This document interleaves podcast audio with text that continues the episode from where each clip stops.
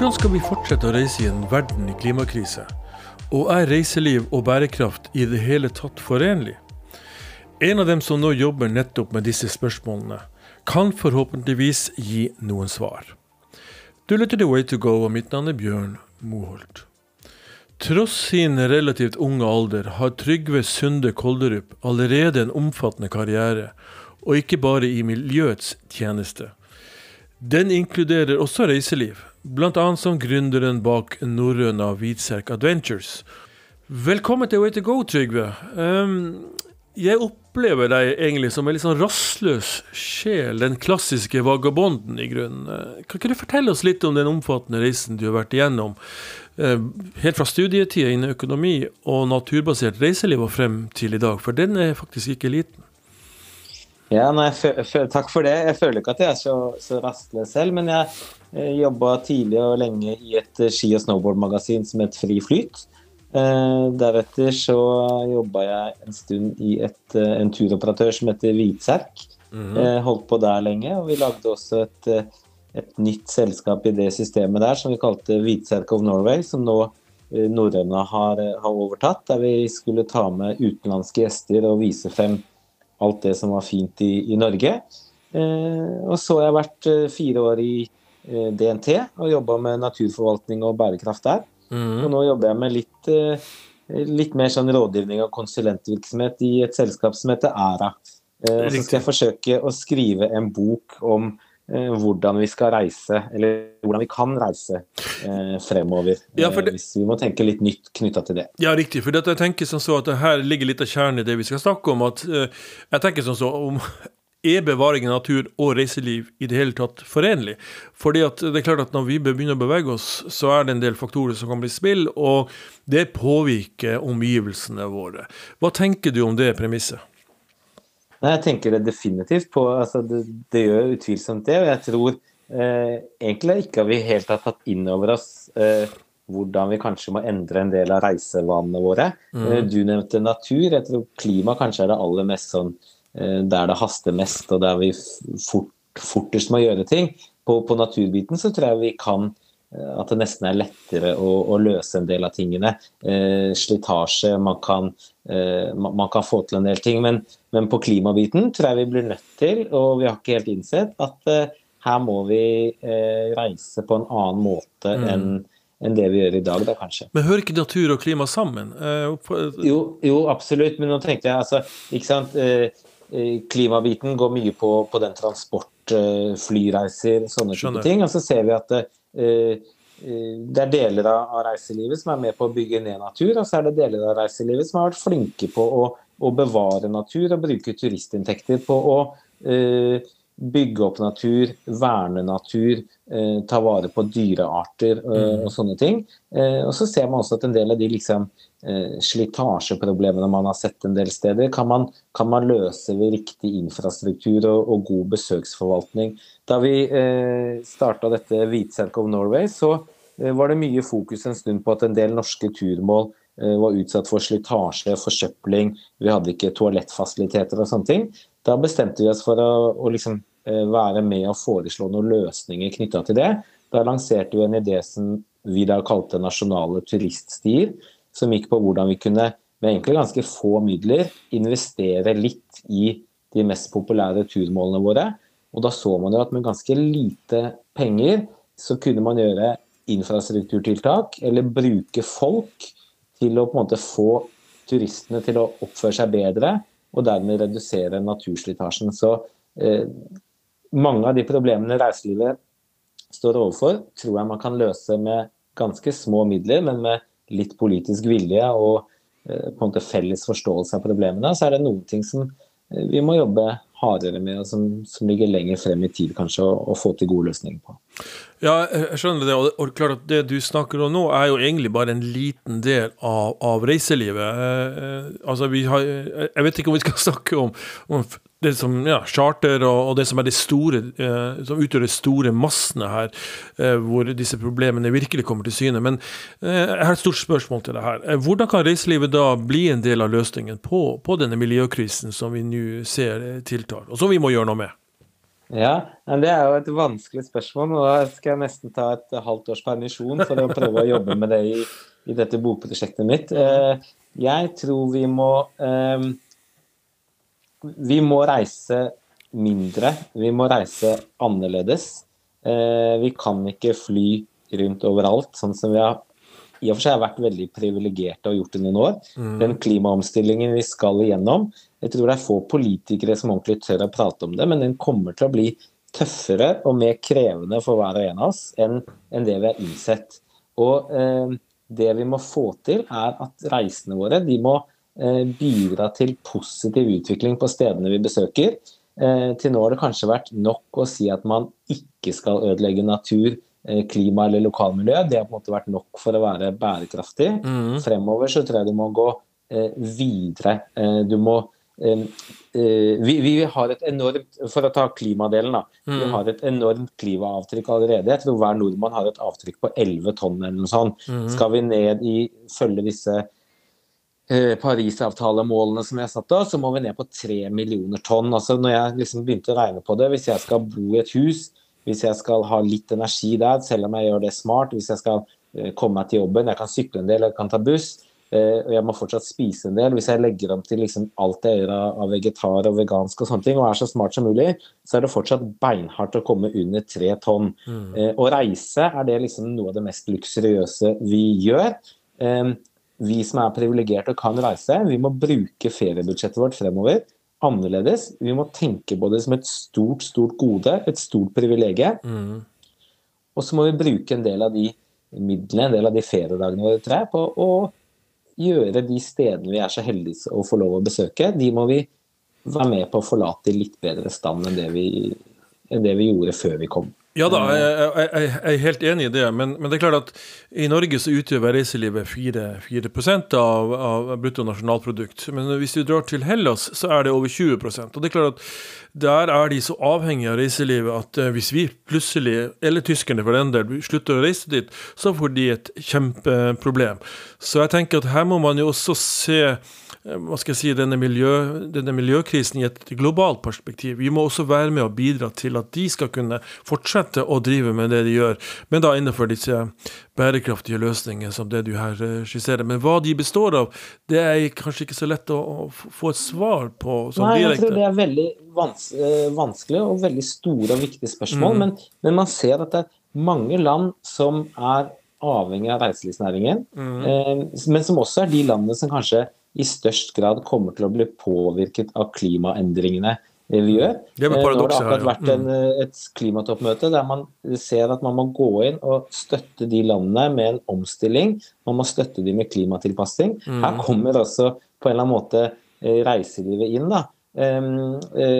Om 40 år i Hellas er det ikke sikkert de har en sommersesong som er høysesong fordi det blir for varmt eller for, eh, for, tøft å være der. Så de må i den omstillingen uansett. Og da må kanskje eh, de landene som har aller mest penger eller er minst sårbare, da må de være med å stille opp på dette. her. Og den store omstillingen eh, reiselivsnæringen må gjennom, den tror jeg ikke vi helt har tatt inn over oss.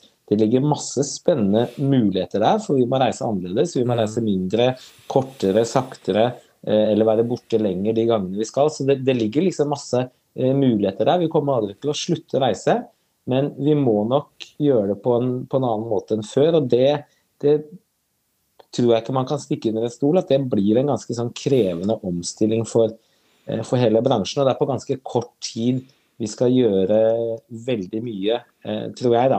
Mm. og, og, så kan vi begynne med oss selv, vi som reiser. altså Vi kan gjøre det litt smartere. og vi kan Eh, være mer bevisste. Eh, det er en veldig god start, f.eks. Mm. Ja da, og, og, og, det, jeg er helt enig i det. Altså, vi må jo begynne å gjøre noe. og Jeg tror at vi må se på reiseliv også som en del av løsningen her. Jeg er bare litt redd for at nå hadde vi pandemien her, og flere land annonserte jo at de nå skulle gå inn og se hvordan de kan begrense miljøavtrykket sitt, og kanskje kjøre den løsningen på, på, på de ulike destinasjonene som, som la igjen et mindre avtrykk. Så, men samtidig da så innså jo man at man hadde en økonomikrise også oppi dette her, så man bare pøste på, man pissa litt i buksa for å holde seg varm, og så er man litt tilbake igjen til der eh, man var før, før pandemien. I hvilken grad har, føler du at reiselivet Nå snakker vi ikke om Norge, da, men tenker internasjonalt. I hvilken grad føler du at reiselivet har tatt dette her ordentlig inn over seg? Nei, jeg, jeg tror ikke vi at, at, bransjen helt har tatt det inn over seg. Når, når jeg hører um, reisebransjen snakke om bærekraft, så snakker man veldig ofte om, uh, om på en måte uh, eller, eller, man tar bort klima uh, i, i, den biten. Og så mm. snakker man Hvis man begynner å snakke om klima, så snakker man om, om at man kan kompensere eller offset eller den biten der. Mm. Og det, det, tror jeg på en måte ikke er, er nok. da. Uh, nei, så jeg, jeg syns det er innmari vanskelig, fordi uh, jeg er, reiseliv er så stor del av identiteten vår, av, av status, følelser, alt vi liksom syns er fint. Jeg elsker å reise, men når jeg liksom har begynt å jobbe med dette her, jeg, jeg, jeg mm. føler at det kommer i konflikt med uh, klimaangst og flyskam og, og, den biten der. Så nå når jeg liksom begynner å, å, regne på det, se hvor stort avtrykk jeg har, se hvor stort avtrykk eh, Eh, dette reisevirksomheten min, eh, min har, så, så syns jeg det er dødskrevende. Og og vi, vi er på en måte eh, litt Vi er såpass seint ute at det å velge tog eller bo på noe miljømerket hotell og spise økologisk mat og, og liksom bruke litt ekstra penger på å klimakompensere flybilletten vår. Mm. Vi må se litt videre og utover det. og den, den, tingen der blir ikke lett man kan si at den blir spennende, og sånn, men den vil nok også være krevende for, eh, for mange, tror jeg. da. Ja, da. Eh, for vi har vært litt for flinke til å snakke om eh, bærekraft uten å, å ta inn klima. Mm. Men når vi skal snakke om klima, så har det vært snakk om kompensasjon, og det, det er liksom ikke nok. Mange mm. deler av bransjen må omstille seg veldig, tror jeg, de neste årene. Mm. Ja da, det er, jeg tror det er dramatiske grep eh, som må til her. Og et av de grepene som jeg synes var litt spennende, eh, som du sendte meg en video av, det var nettopp dette med tog, og hvordan tog kan i hvert fall være ett element i dette her, hvor vi kanskje i større grad bruke den type transportmidler. Du, du, hadde en video som du lagde, og som du viste meg, og, og, som forklarte egentlig litt av utfordringen også med å kanskje, for nordmenn spesielt, da, å reise med tog ut i den store verden. Si litt om, om, om den erfaringen du gjorde deg der. Ja, nei, altså Jeg opplever jo at uh, man ser en voldsom interesse for tog. Uh, nå har det jo vært litt annerledes år i pandemien, og sånne ting, men, men, generelt så ser man en europeisk økende interesse for tog. Man ser at uh, nattoglinjer som ble lagt ned for en del år siden, nå gjenoppstår. Det er en økende interesse for det å, å flytte seg på en grønn måte. Mm. så jeg gjorde et oppdrag for noe som het Norsk opplevelseskonferanse på i Bodø, hvor jeg forsøkte å ta tog fra Hamburg til Oslo. Hvis eh, skal man reise fra mellom Stockholm og Hamburg f.eks., så går det ett eller to nattog hver eneste natt. Det er en ganske behagelig måte å forflytte seg på. Du kan eh, legge deg i Stockholm i titiden om kvelden, og så kan du våkne i Hamburg neste morgen eh, og ha reist helt grønt, på en måte. Eh, skal man gjøre tilsvarende øvelse mellom Hamburg og, og Oslo, så er det ikke noe god forbindelse. Eh, man må eh, stå opp klokka fire om natten i en by som heter Lund i Sverige. Eh, derfra kan man ta et lokaltog videre til Göteborg, og så må man bytte der. og Så bruker man jeg lurer på om det var 12 timer mellom Hamburg og, og, Stockholm, og så bruker man 17 timer mellom Oslo og, og Hamburg. Og jeg tror at nettopp sånne flaskehalser eh, må man løse. altså hvis man har nå etter pandemien snakket om at vi skal ha mer fokus på, på nærmarkedene våre for norsk reiseliv. Mm. Eh, det er der vi skal fokusere innsatsen. Det er de eh, besøkende vi vil ha.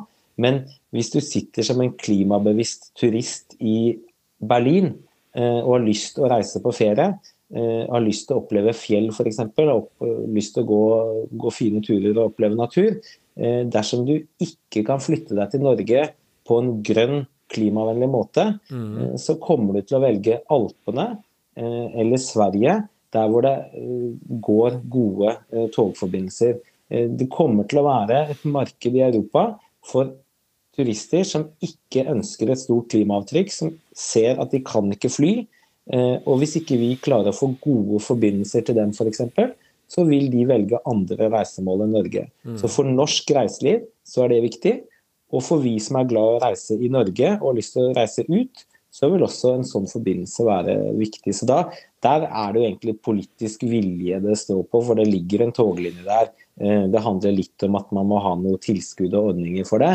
Eh, og det som er mm, Det tar liksom tre år å få på plass denne toglinjen. da. Så når, sier, når vi sier at vi skal gjøre ganske dramatiske klimatilt... Eller vi må få gode reduksjoner på, på klimaavtrykkene våre frem til 2030, så haster det liksom litt å, å få på plass dette. Så det har blitt litt sånn eh, aktivisttiltak for min del. altså Få den eh, fordømte toglinja til, eh, eller togforbindelsen til København, eller kanskje Hamburg. da. Mm. Hamburg er sånn knutepunkt for liksom all togtrafikk i, i Nord-Europa. Så det, det, det, bør ikke være så vanskelig. Det er et ganske enkelt klimagrep mm. som Eh, som man bør få til. Ja da, jeg, gjorde for så vidt den samme øvelsen som jeg nevnte for deg i stad. At jeg reiste fra Oslo til Italia og måtte overnatte et sted i Sverige for å hoppe på neste tog. Og du hadde det vel enda litt mer kronglete, for du hadde vel litt sånn buss for bane, var det ikke? Ja da, og det var litt det, var, det ble jo litt sånn komisk i den filmen jeg lagde, men, men det var litt uh, uflaks. Det, okay. så, mm. så, så, noe kan man få til, men uh, men det må litt uh, politisk vilje til. Det, men dette har jo Innovasjon Norge spilt inn til, til Samferdselsdepartementet, til Jernbanedirektoratet, til andre. Så håpet er jo at, mm. at, det skjer noe, da. Men faktum er jo at i reiselivsnæringen, store deler av næringen har vært veldig flinke på å gjøre en del klimatiltak, miljøtiltak selv. Mm. Men fem, jeg tror det er noe sånt som 75 av, av utslippene våre Eh, knytta til reiseliv kommer fra transportbiten.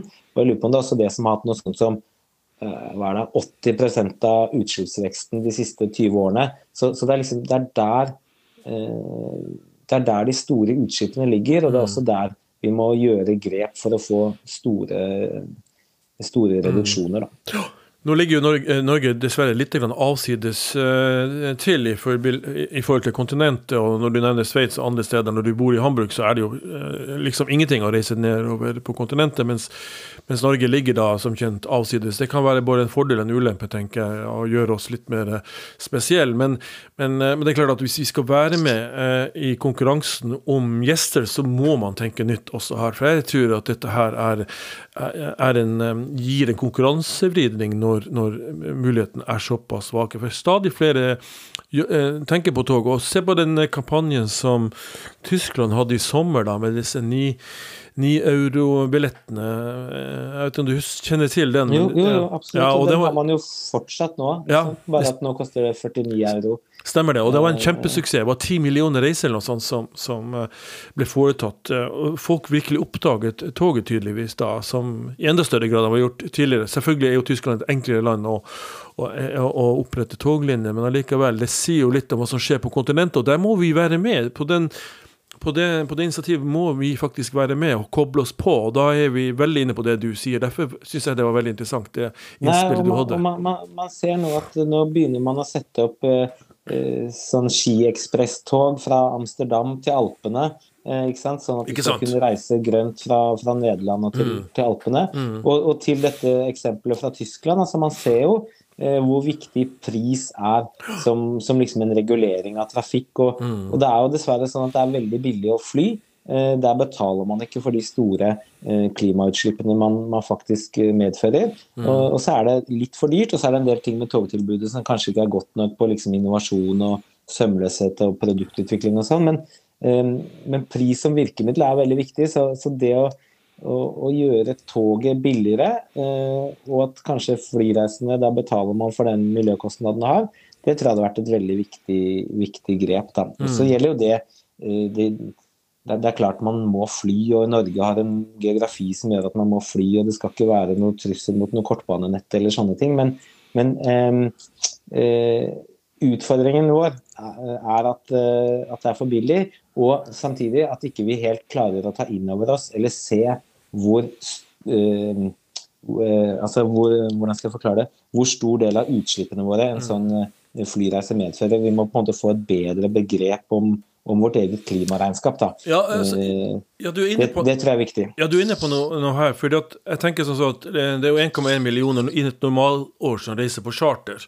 Og jeg tror folk flest ikke tenker på bærekraft i det hele tatt når de skal til Middelhavet. De tenker på billige billetter og på at de skal til et varmt og deilig klima. Så hvordan kan vi på en måte gjøre bærekraft forståelig for folk flest? Eller for å si det på en annen måte, hvordan implementerer man bærekraft inn i dette, i dette bildet? Eh, nå har jo TUI i samarbeid med både lokale myndigheter og sentrale myndigheter i Hellas oppretta et sånn ekolab i, på Rodos, hvor de skal se på Rodos som et, som, som et helt Eh, bærekraftig økosystem hvor man skal legge opp til et, til et løp da, hvor man skal gjøre eh, Legge igjen minst mulig eh, hva skal jeg si, eh, footprint på, på, øya. Jeg tror jo personlig at her må det komme ovenifra, at folk må presses inn i løsninger. Det er ikke noe som de tar med seg sånn automatisk ut på tur. Hva tenker du om det?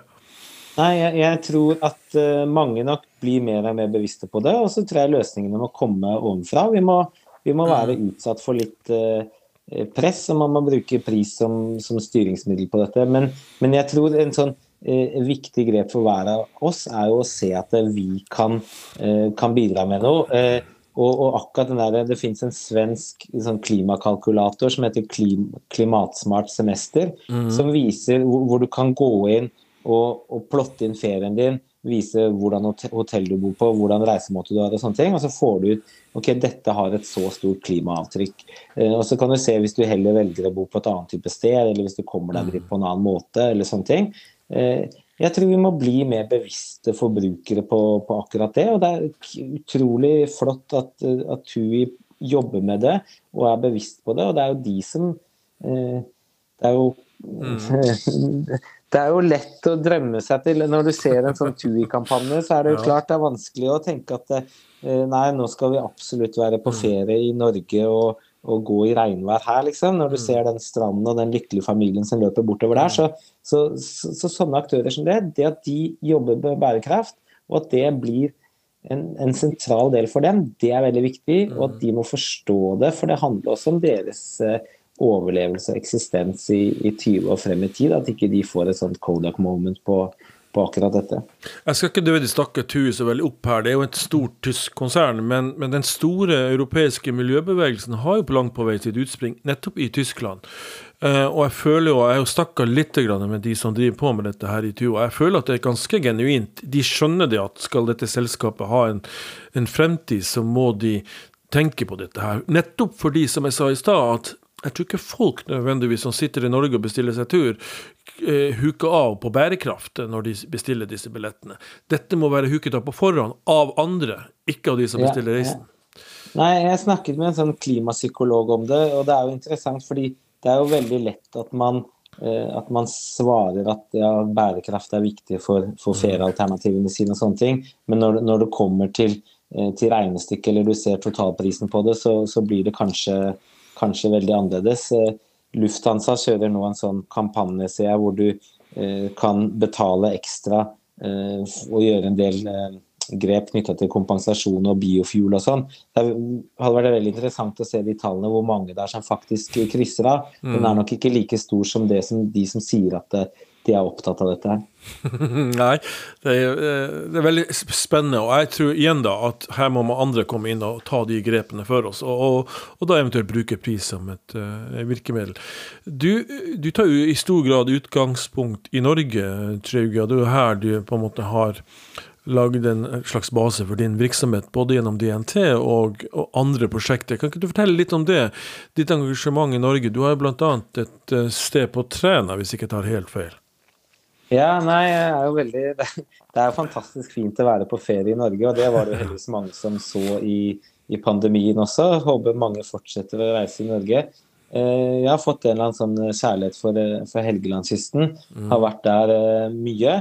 Og har bygget opp tre små hytter på, på Træna, helt ytterst på Helgelandskysten, da, som vi leier ut. Og da Eh, forsøker vi, og da har vi på en måte minimums Du må være der minimum eh, to eller tre netter. Mm. Eh, vi skal gi lavere pris til de som kommer med, har reist med tog til Nord-Norge f.eks. og sånne ting. prøver å ikke markedsføre oss på engelsk, vi har lyst på flest mulig norske gjester. Mm -hmm og, liksom gjøre noen grep sånn at dette skal være så, så bærekraftig som mulig. Men, men, det er jo masse dilemmaer man står oppi hele tiden, og, og, sånne ting, så jeg ser at dette er krevende. Da jeg jobba i DNT, så tok de et eh, modig standpunkt, og de var tydelige på at de skal ikke eh, markedsføre seg til, til utenlandske flybårne gjester. Eh, og Det okay. var delvis mm. derfor også vi vi jobbet for dette eh, tog, togtilbudet til København og, og Hamburg. Da, mm. hvordan, folk, hvordan, kommer folk seg ut til Træna, for de som ikke, av våre lyttere som ikke helt vet hvor det ligger? Hvordan kommer man seg dit? Eh, Træna ligger eh, med båt ut fra altså, noe som heter Stokkvågen, Sandnessjøen eller eh, Bodø. Mm. Eh, bare slå et slag for et sånt fantastisk reiselivstilbud som jeg snakka om før i noen sammenheng, som jeg mener er et av Norges beste tilbud. Altså Du kan kjøpe et ukeskort, eh, litt sånn interrailaktig, sånn Travelpass Nordland. Mm. Lurer på om det nå koster 1290 kroner, så kan du reise så mye du vil med hurtigbåt i hele Nordland.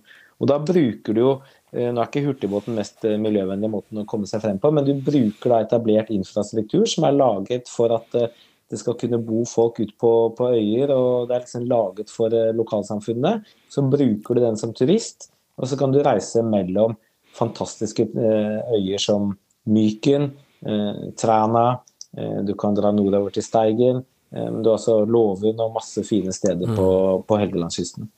Man har jo dundra på med markedsføring av disse stedene, bl.a. gjennom TV-serier. og Vi hadde en, for et par podkaster siden en gjest fra Myken som lager whisky der ute. Så, så, og der har jeg sjøl vært uh, Og det er jo et, et, fantastisk område. Jeg er jo sjøl lenger nordifra, så, så, jeg har en litt forståelse for hvorfor folk yeah, yeah. holder ut der ute. Alt jeg på å si. Og det er klart at, at uh, både Træna og Myken det er jo steder som er grunnlagt på fiske, og det fisket er jo for lengst historie. Da må man finne på andre, til, andre ting å gjøre. Og det har man langt på vei klart.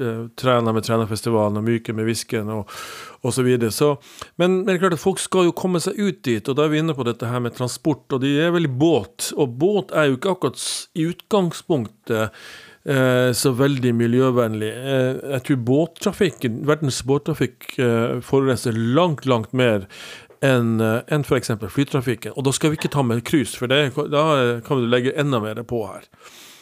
Og så skjer det jo voldsom satsing på Nå har det vel begynt med hydrogen på båtene mellom Eller i hvert fall skal begynne med det. Båtene mellom eh, Bodø og, og Lofoten. Mm. Så det skjer jo en, en eh, stor, eh, stor, omstilling der. Men, men, det som jeg tror er viktig altså det at, eh, Og en annen utfordring for reiselivet, og der man kan bli flinkere i Norge, er jo å altså, dette fergetilbudet vi har, hurtigbåtene vi har, som er laget for at vi skal kunne bo rundt i hele landet, mm. og gjøre det til attraktive Eh, turistattraksjoner eller opplevelser. Eh, det tenker jeg er noe vi må bli mye flinkere til. For det er jo med på å sikre eh, rutetilbud og gjøre at mm. vi kan ha eh, bosetting på, på, Myken eller Træna eller andre plasser. Altså, eh, det at flere bruker det, flere oppdager det. Eh, den ruta som går der, den må vi være med å sikre. Der kan reiselivet dette, Det som kan være pendlertur for for en på Træna som skal inn til, til Sandnessjøen, det kan være en utrolig fin turistopplevelse. Der, der, har vi en liten vei å gå på å klare å selge det. Mm. Ja, alt henger sammen med alt, eh, kan vi kanskje konkludere. Og, og, det er vel litt av det du skal jobbe med i dette nye selskapet. Jeg vet ikke om det er et nytt selskap, men Æra, hva, hva er det for noen ting? Æra er et selskap som har holdt på, på lenge, og det er 20 stykker. Og de jobber med innovasjon og, og, og forretningsutvikling og knytta til eh, også, eller hvor bærekraft er sentralt. Da. Så, mm. så det, det, går litt på det vi har snakket om. altså at eh, Man må eh, endre seg fremover. Eh, hvilke muligheter ligger i det? Hvor det, hvordan skal vi liksom være fremst i skoa eh, for å eh, kunne skape forretningsmuligheter av de tingene vi blir nødt til å gjøre annerledes fremover. Og for reiselivet så, så er det jo definitivt ting. og så Eh, kan det gjelde hyttebygging. ikke sant? Altså Vi mm. bruker eh, jeg lurer på om det er 25 av arealtapet, eller altså uh, naturnedbyggingen i Norge, som skyldes at vi hele tiden vil bygge nye hytter. Mm. Så vi ødelegger masse natur i Norge fordi vi vil komme nærmere naturen. Det tror jeg er en ting vi må gjøre annerledes fremover. Det er noe vi har lyst til å, å se på, f.eks. Så sånne ting håper jeg å, å jobbe litt med. og det, det, det igjen, altså Vi snakket om at noen steder så har, har reiselivet utfordringer og, og problemer. Men det, det, er veldig mye vi kan løse på gode måter òg. Mm. Eh, vi ser de siste årene har vi blitt mye flinkere på eh, besøksforvaltning i Norge. At det er mange ting vi kan Hvis vi gjør ting bitte litt annerledes, så klarer turmål å eh, ta og absorbere mye folk, og folk får gode opplevelser. Men vi må bli flinkere til å sette det litt i system og, og gjøre det på nye måter. Ehm, så Sånne ting er det jeg har lyst til å, å jobbe med i, i Æra, mm. hvor de har vært flinke og gjort mye spennende før. Mm. Ja, det bør ikke være et motsetningsforhold mellom disse tingene. Eh, snarere tvert imot, eh, tenker jeg. Det tror jeg er viktig hvis vi skal kunne løse opp i dette her. Og folk skal jo Vi vil jo gjerne at folk skal bo på de ytterste nesene, av flere grunner. Eh, så, så her, her, tror jeg vi har Og det er veldig mye spennende som skjer. Jeg tenker på Hurtigruten, som har en del løsninger på sin Når vi er inne på dette her med transport som en, del, en stor del av dette miljøavtrykket som, som skjer, så Hurtigruten har spennende ting på gang. Vi har dette Havila, som også gjør ting. Og eh, jeg tror Norge har, no, har flest elektriske ferger eh, i, i verden. Så, så, det skjer heldigvis veldig mye spennende innenfor dette her som, som peker i en retning som kanskje lo, eh, lover bra for fremtiden. Det, det, tenker jeg, det må vi bli flinke til å vise frem. Ikke sant? De elektriske båtene og sånne ting. Så det er jo er jo en turistattraksjon. og Hvis vi kan inspirere noen til at hei, vi har fått det mm. til over en eller annen fjord på Vestlandet, eh, så, så kan man gå hjem og kopiere den løsningen der de kommer fra. så Det, der tror jeg vi må bli, det er en, en kjempemulighet for, eh, mm. for reiselivet. Mm. Og jeg tror litt det du var inne på, at det, det reiselivet vi trenger i Norge, det er det reiselivet som, som utfyller lokalmiljøet og, og, gjør det bedre. ikke sant? Altså turister som um, altså, Mange av plassene rundt omkring i Norge hadde jo ikke hatt en, en kafé eller et restauranttilbud eller sånne ting, hvis ikke det også var fordi det var reiseliv der. Så reiselivet tilfører lokalmiljøene masse. Eh, og så må vi sørge for å bygge opp under det reiselivet som gjør at det tilfører lokalmiljøet det beste av det de ønsker og det de trenger. Ja, men jeg, jeg, jeg føler jo det faktisk i Norge, i motsetning til andre steder, at i Norge så har vi levende samfunn i distriktene. Vi har hatt en distriktspolitikk, man kan sikkert diskutere den eh, langt på vei, men som jeg mener har vært relativt vellykket, nettopp fordi at når gjestene eh, kommer til Norge, så opplever de genuine samfunn, det er ikke kulisser. Eh, fordi at vi har vært ganske bra på å opprettholde befolkningen, og det må vi fortsette med, eh, tenker jeg da. Og dette for å få til en del løsninger som er bærekraftige. Ja, Det er kjempebra. ikke sant? Og det er her også mm. da reiselivet kan være med og, og opprettholde det. Eh, og skape attraktive arbeidsplasser og skape en sånn kveldsøkonomi eh, hvor det er ting som er åpent etter eh, arbeidstid, som gjør at det er attraktivt å bo der. Mm. Du Trygve, jeg skal ikke oppholde så veldig mye lenger. Jeg tenker Vi skal avslutte med at eh, hvis du får lov til å velge en reise på øverste hylle, glem alt som handler om bærekraft, hvor er det du vil reise da? Nei, det er litt av det jeg sliter med, for den, den lista mi hadde jo vært veldig veldig lang. da. Altså, det er jo masse steder jeg drømmer om å ta med familien, og vi, vi har jo vært uh, heldige og vært mange steder, men mm. uh, jeg har det veldig fint i Norge. Jeg mm. kunne helt sikkert drømt om å dra på en fjelltur i, i Nepal. om jeg kommer til å gjøre det. Jeg har vært det før, om jeg kommer til å gjøre det igjen, det er jeg ikke sikker på. Men, men det har vært et turmål jeg drømmer om å, å oppleve.